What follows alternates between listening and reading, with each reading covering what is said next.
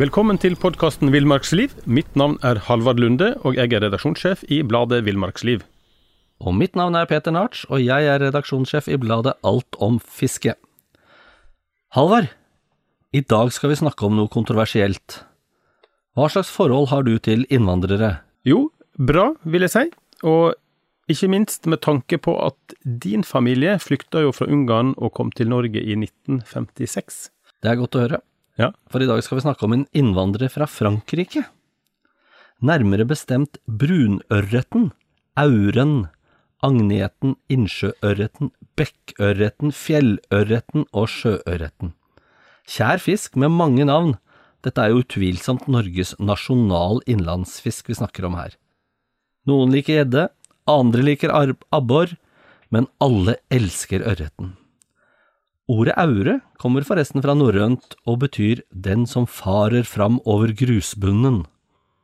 Du la merke til at jeg sa både ørret og sjøørret? Ja, det sitter ikke her og sover, Peter, sjøl om det kan se slik ut. Det er fint, for det er nemlig samme art, men ørreten lever i ferskvann hele livet, mens sjøørreten vandrer ut i saltvann som smolt og vender tilbake til ferskvann for å gyte og overvintre men altså samme art. Men uh, du snakker altså om en innvandrer fra Frankrike, hvordan henger det sammen? Ja, da må vi 200 000 år tilbake i tid. Det er jo spørsmål hvor lenge du kan kalle deg innvandrer før du er, liksom, er fra Norge. Men tar, i hvert fall to-tre generasjoner pluss. Altså, det, er, det, er, en god stund siden. Ja. Eh, altså 200 000 år tilbake i tid, og en ørret svømmer rundt i en elv i det vi i dag kjenner som Sør-Frankrike. Etter hvert som isen trekker seg nordover, svømmer vår ørret etter i elvesystemene som oppstår. Ørreten er svært tilpasningsdyktig, og noen blir anadrome, altså at den vandrer fra ferskvann og ut i saltvann, altså at de òg trekker vestover ut i Atlanterhavet. Andre smetter ut i det ferske vannet i den baltiske issjøen, hvor vi i dag har Østersjøen. Nå får du bladet Villmarksliv rett hjem i postkassa i tre måneder for kun 99 kroner. I Villmarksliv kan du lese om norsk natur, ærlige tester av klær og utstyr, og mange gode turtips skrevet av erfarne friluftsfolk, fiskere og jegere. Send SMS VILL36 til 2205 og motta bladet allerede neste uke. Lev livet villere med bladet Villmarksliv. Even on a budget, quality is non-negotiable. That's why Quince is the place to score high-end essentials at 50 to 80% less than similar brands. Get your hands on buttery soft cashmere sweaters from just 60 bucks, Italian leather jackets, and so much more. And the best part about Quince, they exclusively partner with factories committed to safe, ethical, and responsible manufacturing. Elevate your style without the elevated price tag with Quince. Go to quince.com slash upgrade for free shipping and 365-day returns.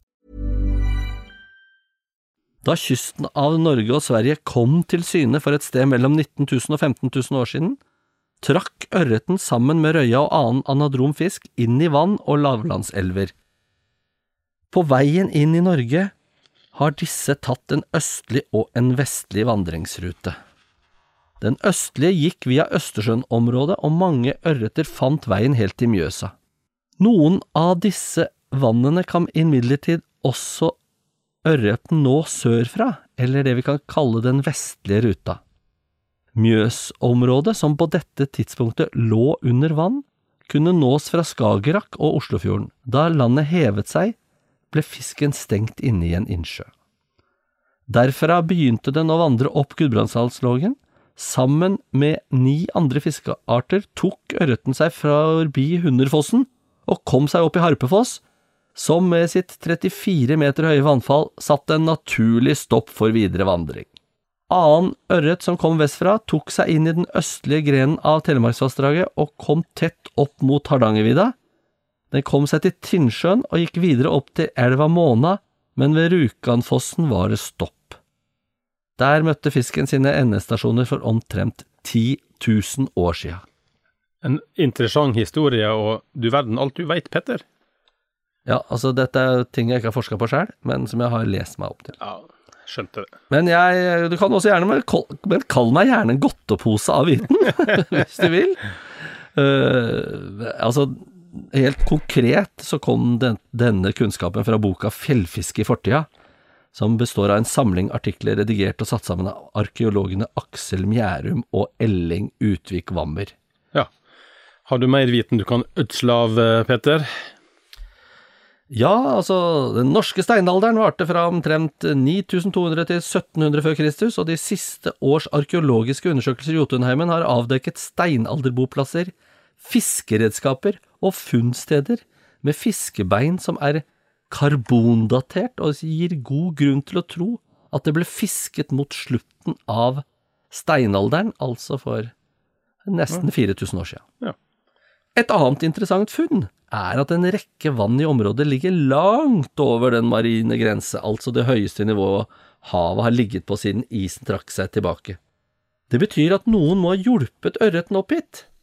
Mye tyder derfor på at fisk var langt viktigere for våre forfedre enn tidligere antatt, og at de må, ha, de må faktisk ha forstått konseptet kultivering. Ja, ja. Steinaldermennesket må ha båret fisk oppover Vinstravassdraget fra vann hvor den naturligvis hørte hjemme, og så sluppet den ut i vann som fisken ikke kan ha nådd uten hjelp. Den samme formen for kultivering har også skjedd på Hardangervidda. Mm. De har jo skjønt at det er smart å ha maten nær. Ja, men Ja. å ta det med, liksom. Som Ja, folk fortsatt den dag i dag. Det, Ja, folk var like smarte for 4000 år siden. Ja. Det finnes også historiske kilder som kan underbygge at fisk ble båret fra vann til vann, men disse er av nyere dato. Historikeren Gerhard Schøning så en bautastein med runeskrift på gården Li i Austre Gausdal da han var på gjennomreise i 1775. Man antar at steinen var satt opp en gang mellom år 1050 og 1100, og skriften lød Eiliv elg bar fisk i Rausjø. Ja. Senere laget flere, både forskere og arkivarer, tegninger av steinen, men i 1839 forsvant steinen. Angivelig havnet den i grunnmuren på et fjøs. Du verden. Det er, den er ikke blitt funnet tross flere forsøk. Ja, da må folk være obs oppe i Gudbrandsdalen hvis de finner, skal rive et gammelt fjøs og de finner en stein med, Med runer. Med runer. Da. Ja. Men eh, han elg, hvorfor skulle han bruke tid på å risse det inn i, det, ja, inn i en stein? Ja, si det. Hadde han god tid? Han var god til det. Kanskje han var en storyteller? Kanskje han var den første podkasteren? Ja, kanskje det. på sin måte. Ja, Raudsjøen ligger i hvert fall på vestsida av Gudbrandsdalslågen, og runesteinen er det eneste skriftlige beviset på at fisk ble satt ut i vann i Jotunheimen i førhistorisk tid. Man antar at formålet med runestein på Li var å fortelle hvem som hadde fiskeretten i Raudsjøen. At det rett og slett var 'hallo, Det er her min. fisker jeg'. Det er min sjø. Så den som bar fisken til vannet, hadde også retten til å høste av produksjonen. Ja. Men det stoppa jo ikke der. Nei, det var vel egentlig på slutten av 1700-tallet det virkelig begynte. Da gjorde tyskeren Stefan Ludvig Jacobi vellykkede forsøk med kunstig befruktning og klekking av rogn fra ørret og laks, og på 1850-tallet nådde denne kunnskapen Norge.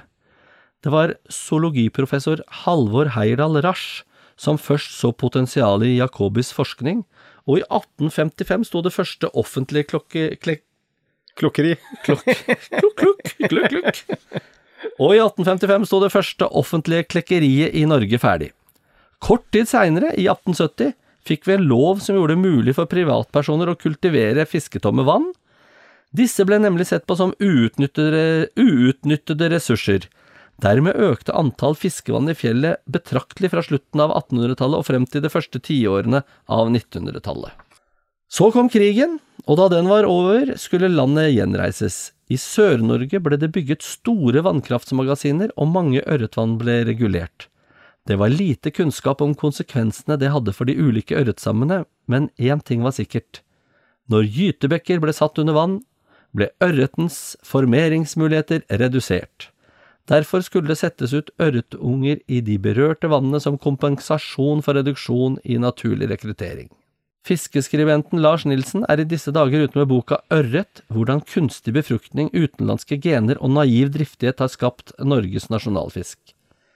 Her beskriver han hvordan myndighetene ønsket at det skulle settes ut et gedigent antall ørretyngel og sommergammel settefisk, og at dette var mangelvare i Norge. Alt i alt var det ønskelig med et anlegg som kunne produsere minst fem millioner rogn og én million settefisk årlig. Da selskapet AL Settefisk ble etablert i 1957, ble planen om produksjon av rogn skrinlagt. I Norge skulle man konsentrere seg om settefisk, og heller hente rogn fra Danmark.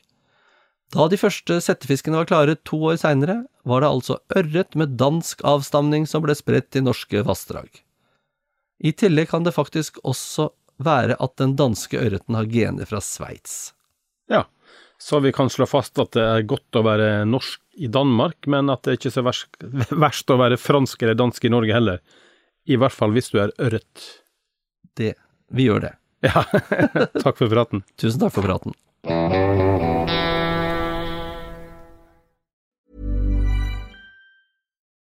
Nå får du bladet Villmarksliv rett hjem i postkassa i tre måneder for kun 99 kroner.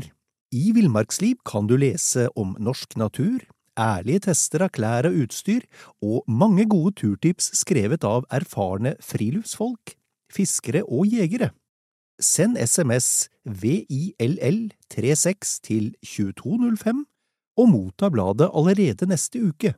Lev livet villere med bladet Villmarksliv. Hey, it's Paige DeSorbo from Giggly Squad. High quality fashion without the price tag. Say hello to Quince. I'm snagging high-end essentials like cozy cashmere sweaters, sleek leather jackets, fine jewelry, and so much more. With Quince being 50 to 80% less than similar brands. And they partner with factories that prioritize safe, ethical, and responsible manufacturing. I love that. Luxury quality within reach. Go to quince.com slash style to get free shipping and 365 day returns on your next order. Quince.com slash style.